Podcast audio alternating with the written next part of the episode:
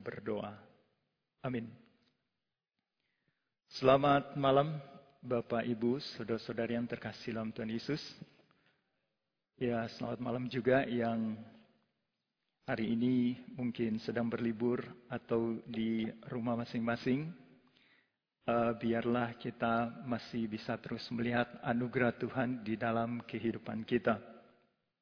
Kita akan hari ini akan membahas dari Yohanes 14 ayat yang ke-15 sampai ayat yang ke-24. Uh, sesudah pasca biasanya kemudian kita akan memikirkan tentang Roh Kudus sampai kepada nanti ya Pentakosta dan Nanti sudah itu kemudian ke kenaikan Tuhan Yesus. Mari kita membaca Alkitab dari Yohanes 14 ayat yang ke-15 sampai ayat yang ke-24. Saya akan membaca mungkin uh, Alkitabnya kedengarannya agak berbeda karena saya pakai yang terjemahan baru. Ada beberapa hal yang sangat menarik di dalam terjemahan yang baru karena bahasanya lebih modern.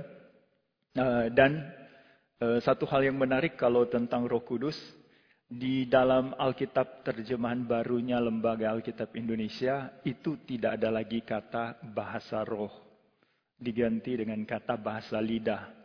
Secara uh, bahasa memang sebenarnya kata itu harusnya diterjemahkan bahasa atau lidah.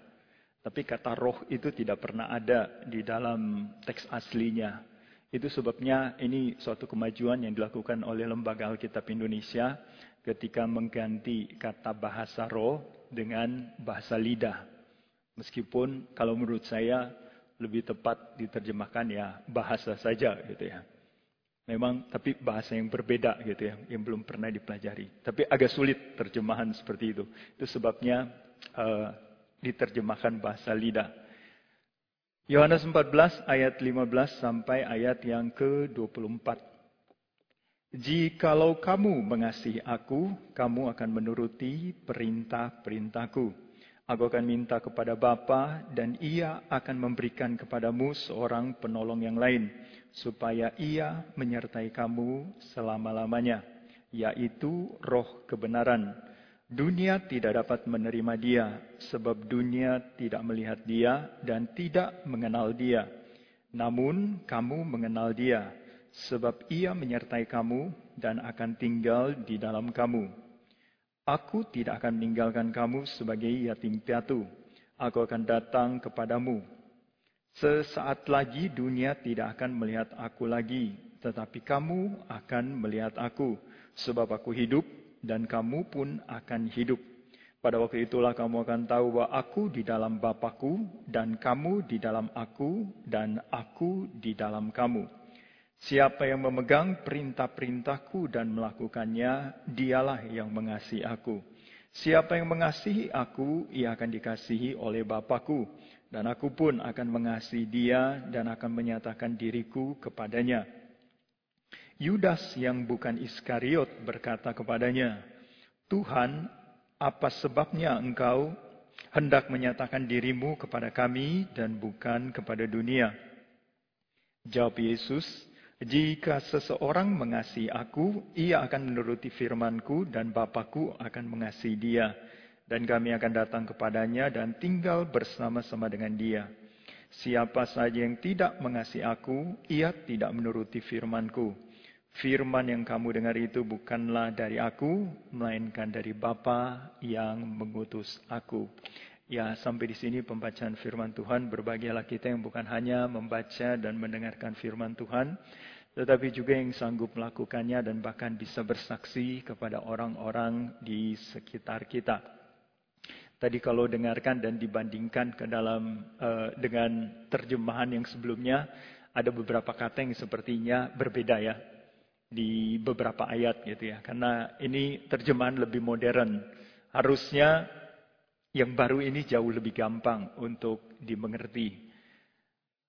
Di ayat yang ke-15, Tuhan Yesus mengatakan, Jikalau kamu mengasihi aku, kamu akan menuruti perintah-perintahku.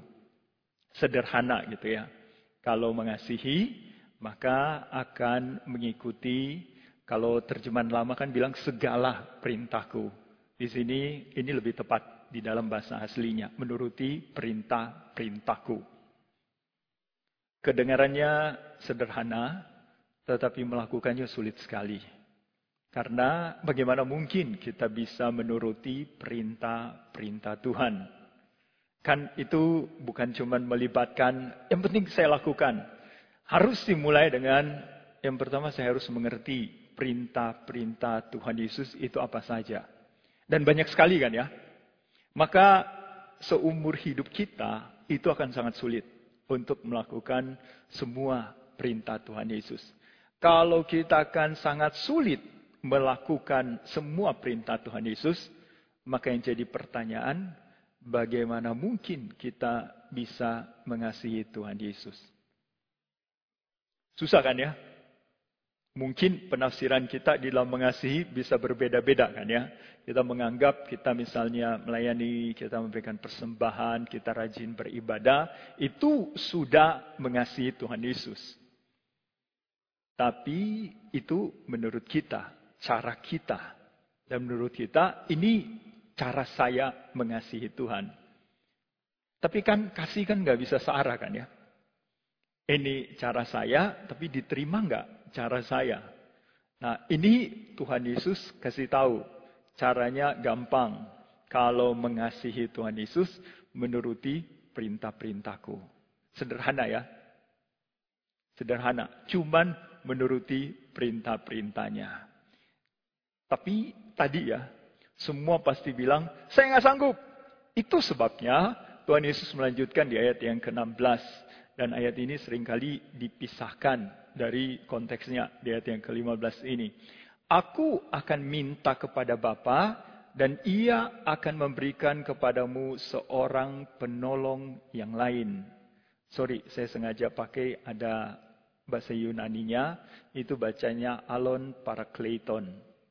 Bukan bahasa Jawa ya, alon-alon asal kelakon, agak mirip soalnya. Kenapa saya pakai kata itu? Karena eh, kata alon dari kata alos ini kata yang sulit diterjemahkan. Dalam bahasa Indonesia diterjemahkan yang lain. Tapi kata alon itu kata alos itu sebenarnya artinya sama tapi beda. Agak aneh ya. Kan di dalam bahasa Yunani ada kata homos. Homos itu sama. Terus ada lawannya heteros. Heterosnya itu berbeda. Jadi ini homos sama, heteros berbeda. Nah, kata yang satu lagi itu kata alos. Alos itu sama tapi beda.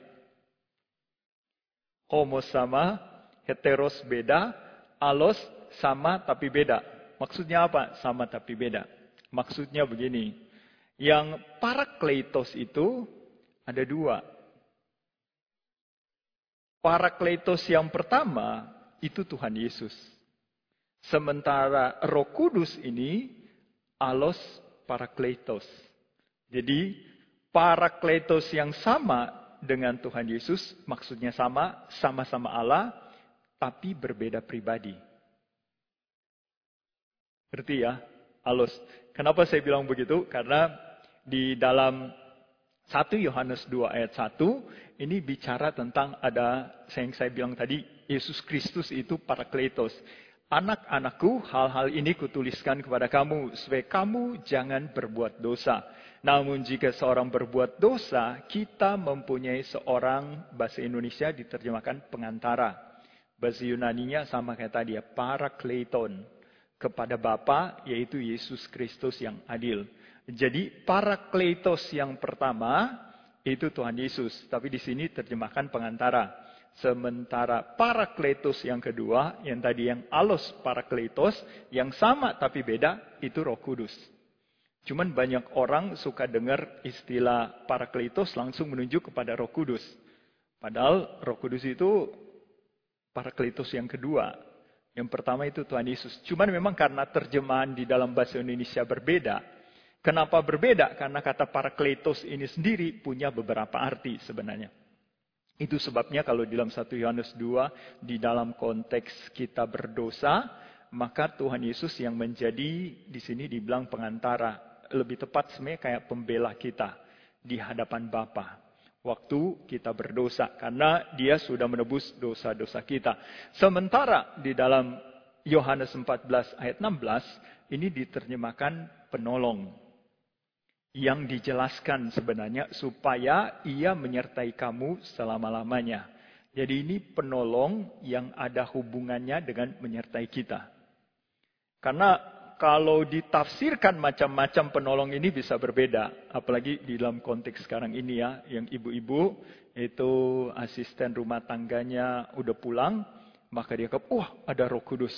Bisa bantu saya. Kan dia penolong. Oh enggak ya. Bukan begitu gitu ya. Ini penolong di dalam konteks tadi. Karena Tuhan Yesus bilang, jikalau kamu mengasihi aku, kamu akan menuruti perintah-perintahku untuk bisa menuruti perintah-perintah Tuhan Yesus itu sulit sekali. Butuh ada Allah sendiri yang hadir beserta kita untuk menyertai kita, menolong kita bisa memahami, kemudian bisa melakukan perintah-perintah Tuhan Yesus. Maka kalau ada yang bilang, saya nggak bisa, wah itu bagus sekali. Karena memang kita semua nggak bisa. Itu biar roh kudus yang berkarya di dalam kita. Di ayat yang ke-17, dijelaskan lagi sebenarnya oleh Yohanes, yaitu roh kebenaran. Jadi yang dibilang penolong yang lain tadi, yang akan menyertai kita, yaitu roh kebenaran. Ini hubungannya konteksnya masih sama terus dengan tadi menuruti perintah-perintah, ini roh kebenaran. Nanti kalau lihat Yohanes 16, nanti dijelaskan lagi tentang roh kebenaran yang akan memimpin ke dalam seluruh kebenaran. Maka sebenarnya ya, kita bisa mengerti kebenaran firman Tuhan itu sangat bergantung dari roh kebenaran ini yang akan memimpin kita, yang akan memberikan pencerahan kepada kita sehingga kita bisa oh begini ternyata maksudnya. Oh, ini maksudnya firman Tuhan yang kemudian mendorong kita untuk melakukan kebenaran ini. Nah, Tuhan Yesus mengatakan dunia tidak dapat menerima dia. Dikasih tahu alasannya sebab dunia tidak melihat dia dan tidak mengenal dia. Kita mungkin, loh saya juga nggak lihat. Iya sih, nggak lihat juga gitu ya. Tapi waktu ke murid-murid, yang saya warnain hijau, namun kamu mengenal dia. Tuhan Yesus tinggal bilang, namun kamu melihat dia. Kamu mengenal dia, sebab ia menyertai kamu dan akan tinggal di dalam kamu. Mungkin kedengarannya terlalu sederhana ya. Dia menyertai, tinggal di dalam kita. Dan banyak orang nggak sadar sebenarnya ya. Itu seperti apa kuasa dari roh kudus. Itu Allah yang diam dan menyertai kita. Kenapa saya bilang begitu? Karena di aliran-aliran tertentu hanya melihat itu dalam sisi karunia. Gitu. Dan dianggap baru kelihatan roh kudus hadir di dalam hal karunia. Tapi Yohanes berbicara berbeda. Dia berbicara dihubungkan dengan firman. Itu waktu kita bisa memahami firman, kita kemudian bisa melakukan justru di sini gitu ya. Kita bisa melihat kepenuhan Roh Kudus. Waktu kita dipenuhi dengan firman. Kamu mengenal dia sebab ia menyertai kamu dan akan tinggal di dalam kamu. Jadi kita yang percaya kepada Kristus yang menerima Roh Kudus itu pasti ada kesadaran. Pasti bisa mengerti iya loh. Allah hadir beserta saya. Dia akan menolong, dia akan memimpin saya di dalam kesulitan, di dalam ketidakmengertian akan kebenaran firman dengan membandingkan dengan kehidupan dunia ini kan seperti kan firman Tuhan itu ada di awang-awang yang kelihatan jauh sekali gitu ya. Sementara kita hidup di dunia yang kelihatan beda sekali gitu ya. Apa yang dikatakan oleh firman Tuhan dengan kenyataan hidup ini yang saya sering temukan, banyak orang berkata, "Oh, kayaknya beda banget."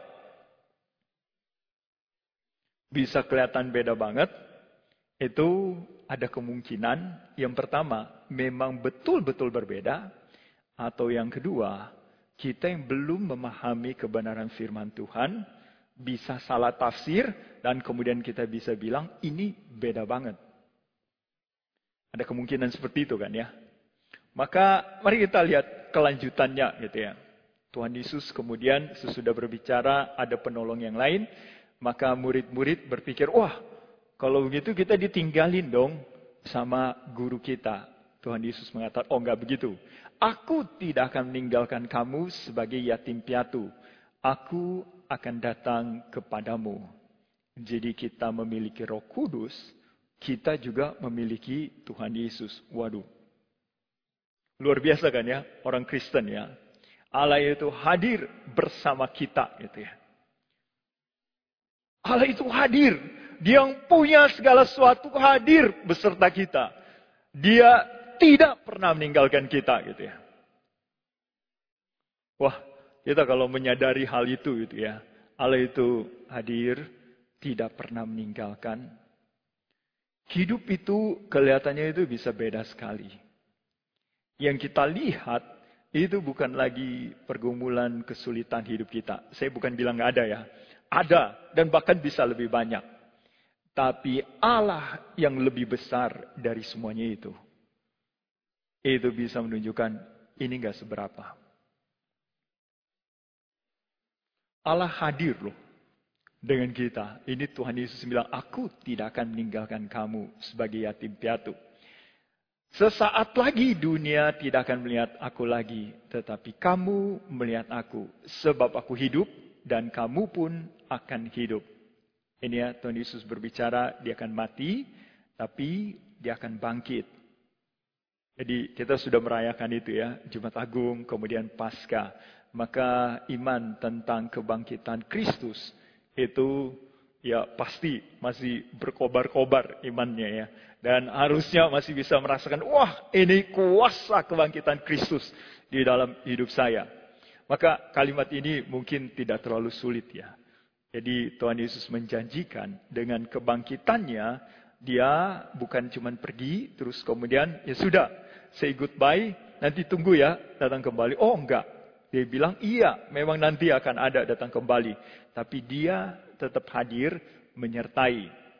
Di ayat yang ke-20 pada waktu itulah, pada waktu itulah kamu akan tahu bahwa aku di dalam Bapakku dan kamu di dalam aku dan aku di dalam kamu. Wah, ini ayatnya sulit sekali. Jadi aku, Tuhan Yesus, di dalam Bapa Dan nggak berhenti cuma sampai di situ. Tapi kemudian murid-muridnya di dalam Tuhan Yesus, Tuhan Yesus di dalam murid-muridnya. Dia lagi berbicara itu tentang kesatuan mistis, kesatuan rohani gitu ya. Bahwa uh, ini bukan melihat, bukan bergantung penglihatan secara fisik, ini nggak berbicara tentang jarak, tapi ini berbicara tentang kehadiran spiritual gitu ya. Dia hadir beserta kita. Dan ada relasi yang dalam sekali. Waktu dibilang, aku di dalam Bapa, kamu di dalam aku, aku di dalam kamu. Jadi seperti satu relasi yang tidak bisa dipisahkan lagi. Kan udah di dalam gitu ya. Wah, kalau Allah itu uh, hadir di dalam kita, terus menerus menyertai kita, memimpin hidup kita. Kalau menurut Paulus, kita lebih dari pemenang. Kita bukan pemenang, kita lebih dari pemenang. Karena tidak ada yang bisa memisahkan kita dari kasih Kristus. Itu sebabnya kita memahami hal ini ya untuk kemudian bisa mengasihi Kristus, harusnya gampang sekali. Loh, dikasih semua. Dikasih penolong yang lain, Allah hadir menyertai kita, kemudian kita dipimpin, kita tidak pernah ditinggalkan, kita tinggal kemudian melihat Kristus karena dia diam di dalam kita, kemudian kita terpesona, kita ingin mengenal lebih dalam, kita ingin belajar kebenaran firman-Nya, kita terus kemudian pengen sekali melakukannya. Loh, kan mencintai ya, karena kita mengasihi. Gampang ya? Waktu baca gampang kan ya? Waktu melakukannya, nah itu yang sulit. Tuhan Yesus tahu itu sebabnya diulang lagi di ayat 21. Siapa yang memegang perintah-perintahku dan melakukannya, dialah yang mengasihi aku. Ini kalau sampai diulang begini, berarti ada masalah kayaknya. Ada kesulitan tertentu untuk melakukan hal ini. Uh, kalau di dalam satu ibadah kemudian ada lagu gitu ya. Uh, Aku mengasihi Engkau Yesus dengan segenap hatiku. Itu lagu itu ya. Waktu refnya apa ya? Saya lupa refnya. Ku renungkan firmanmu siang dan malam. Ku pegang perintahmu dan kulakukan. Saya kalau nyanyi lagu itu, dalam hati saya ya, kayaknya kita lagi ngegombal Tuhan Yesus nih. Karena realitanya betul nggak gitu ya. Di dalam kita mengasihi, kemudian kita merenungkan firman siang dan malam gitu ya. Biasanya orang renungkan siang doang apa malam doang gitu. Oh, saya sih baca Alkitab sehari empat kali. Saya udah atur gitu pakai penuntun. Jadi kalau pagi, bangun pagi saya baca Mazmur. Tahun ini saya baca dalam empat bahasa. Biar ngerti, kan bangun pagi-pagi kan agak ngantuk-ngantuk gitu ya. Waktu mesti ngantuk-ngantuk, saya entah jalan atau lari di tempat gitu ya. Olahraga sedikit, agak ini, agak apa, uh, tekanan darahnya agak naik dikit, terus cuci muka, baru saya baca Alkitab. Maka saya sanggup baca di dalam empat bahasa, berarti baca empat kali gitu ya. Kalau dapat Mazmur yang uh, lebih dari 20 ayat gitu ya. Wah, berarti saya harus baca ya kira-kira antara 80 sampai 100 ayat. Kan mengasihi Tuhan gitu ya. Itu pagi. Siangnya saya baca perjanjian lama. Biasanya antara tergantung dikasih pasal panjang atau pendek bisa satu pasal, bisa dua pasal, bisa tiga pasal. Tapi saya bacanya itu selalu baca dibandingkan dengan bahasa aslinya. Yang lebih sulit baca bahasa Ibraninya gitu ya. Karena nggak tentu ngerti gitu. Baca bisa gitu ya, ngerti nggak tentu gitu ya. Meskipun saya pernah jadi dosen ngajar bahasa itu, tapi tetap aja untuk bisa ngerti tanpa pembandingnya itu sulit sekali gitu ya. Sorenya saya baca perjanjian baru itu pakai bahasa Yunani dan uh, pakai bahasa Inggris gitu ya. Baca lagi. Dan terakhir malam saya baca Amsal. Jadi udah diatur dalam penuntun itu gitu. Maka kalau nyanyi lagu itu, kurenungkan firmanmu siang dan malam, saya nggak terlalu merasa berdosa sih. Tapi tetap aja merasa, oh kayaknya masih ada gombal-gombalnya gitu ya. Karena saya mencoba menerapkan gitu ya. Baca, direnungkan, dipikirkan gitu ya. Tapi kan waktu melakukan, oh itu kan susah kan ya. Ngerti dan melakukan itu dua hal yang berbeda kan. Jadi kalau hamba Tuhan berkhotbah bisa aja mengerti. Tapi betul nggak ini mempraktekkan? Itu sisi yang berbeda lagi gitu ya. Itu dua hal yang berbeda. Kata Tuhan Yesus yang memegang perintah-perintahku dan melakukannya, dialah yang mengasihi aku. Dan sekarang ditambahin, siapa yang mengasihi aku, ia akan dikasihi oleh Bapakku. Plus, dan aku pun akan mengasihi dia dan akan menyatakan diriku kepadanya. Kadang kala kita kurang merasakan kasih dari Bapa. Kasih Allah ya, kurang kita rasakan. Karena jangan-jangan, yaitu, kita nggak melakukan perintah-perintahnya. Maka itu sepertinya ada jarak yang jauh sekali. Padahal itu, waktu kita bergumul mencoba melakukan firman yang kita mengerti, kita akan merasakan, wah, Tuhan itu baik sekali. Bahkan di dalam pergumulan yang sulit pun, kita akan dibukakan. Ini loh, kendak Tuhan seperti ini. Ini rencana Tuhan. Dan waktu kita bisa memahami, wah, ini rencana Tuhan dalam hidup saya. Kita akan sangat-sangat bersyukur karena kita tahu Allah kita mengasihi kita. Ayat yang ke-22, Yudas yang bukan Iskariot bertanya kepada Tuhan Yesus. Tuhan, apa sebabnya engkau hendak menyatakan dirimu kepada kami dan bukan kepada dunia? Ini kan pertanyaan yang sederhana sebenarnya. Tapi jawaban Tuhan Yesus bisa kelihatan membingungkan. Lagian kan ini Yudas ngapain sih sampai nanya begitu gitu ya. Ya anggap aja, wah kita orang spesial, maka Tuhan menyatakan diri kepada kita gitu ya. Tapi mari kita lihat jawaban Tuhan Yesus dua ayat yang terakhir ini. Jawab Yesus, jika seseorang mengasihi aku, ia akan menuruti firmanku. Ini ketiga kali Tuhan Yesus ulang gitu ya. Berarti dia sudah sempurna nih sampai tiga kali. Mengasihi aku, menuruti firmanku. Dan Bapakku akan mengasihi dia. Dan kami akan datang kepadanya dan tinggal bersama-sama dengan dia. Jadi menjawab pertanyaan Yudas yang bukan Iskariot, kenapa Tuhan menyatakan kepada murid-muridnya, bukan kepada dunia, karena ini, karena Tuhan ingin menunjukkan kasihnya kepada kita. Dan kemudian ini, datang diam beserta dengan kita.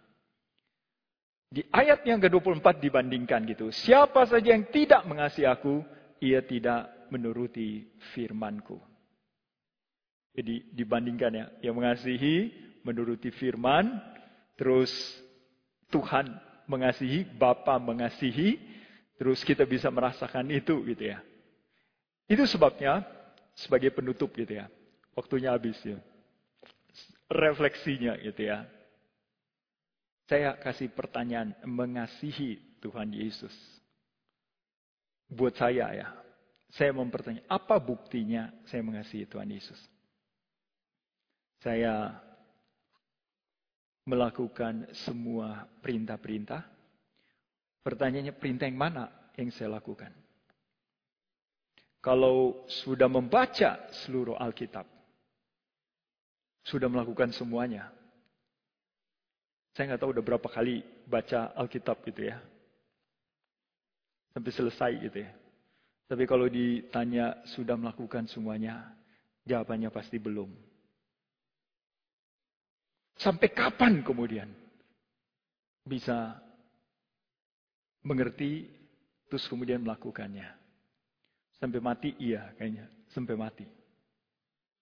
Tapi berapa banyak usaha kita untuk mengasihi Tuhan dengan ini ya. Dengan mencoba bergumul dengan firman Tuhan. Itu sebabnya siapa pun kita, umur kita berapapun, kita perlu belajar saya pakai istilah itu ya, baca, gali, tafsir Alkitab. Waktu kita berdoa, kita berdoa, berdoa, berdoa. Kita pengen mengerti kehendak Tuhan. Jawaban Tuhannya di mana? Kita cuma tunggu apa yang kita minta terjadi. Kalau betul doa kita cuma seperti itu, maka kita sedang mengatur Tuhan, ini pergumulan saya, ini permintaan saya, jawab Tuhan. Yang lebih pas kita mengerti firman Tuhan, kita berespon. Itu namanya komunikasinya dua arah. Kita berdoa kepada Tuhan dari pemahaman firman Tuhan yang kita mengerti. Nanti kita lihat pergumulan kita, permintaan kita, kita akan belajar berdoa sesuai dengan kehendak Tuhan. Wah, saya salah minta seperti ini. Saya salah di dalam pergumulan ini. Yang benar ini. Karena Tuhan yang berfirman. Maka ada dua pertanyaan yang perlu kita belajar di dalam membaca Alkitab. Waktu membaca terus kemudian tafsir. Karena Alkitab kita ini, sekalipun ini udah terjemahan baru dengan bahasa yang lebih baik, ini tafsiran. Menurut saya, saya belajar bahasa asli, maka semua terjemahan Alkitab itu tafsiran. Nggak mungkin kak. Harus ditafsir. Jadi bayangkan, kita menafsirkan apa yang sudah ditafsir. Dan kalau kita tidak mengerti cara menggali menafsir yang benar, itu tafsirannya bisa ke mana-mana.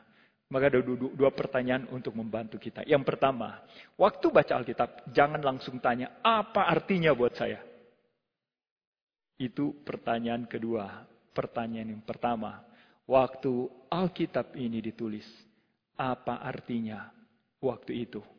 Bagi zaman itu, bagi pembaca pertama firman ini. Yang kedua, sudah kita dapat prinsipnya, baru kita seberangkan di zaman kita sekarang ini. Di sekarang ini, apa artinya? Terus apa artinya buat saya?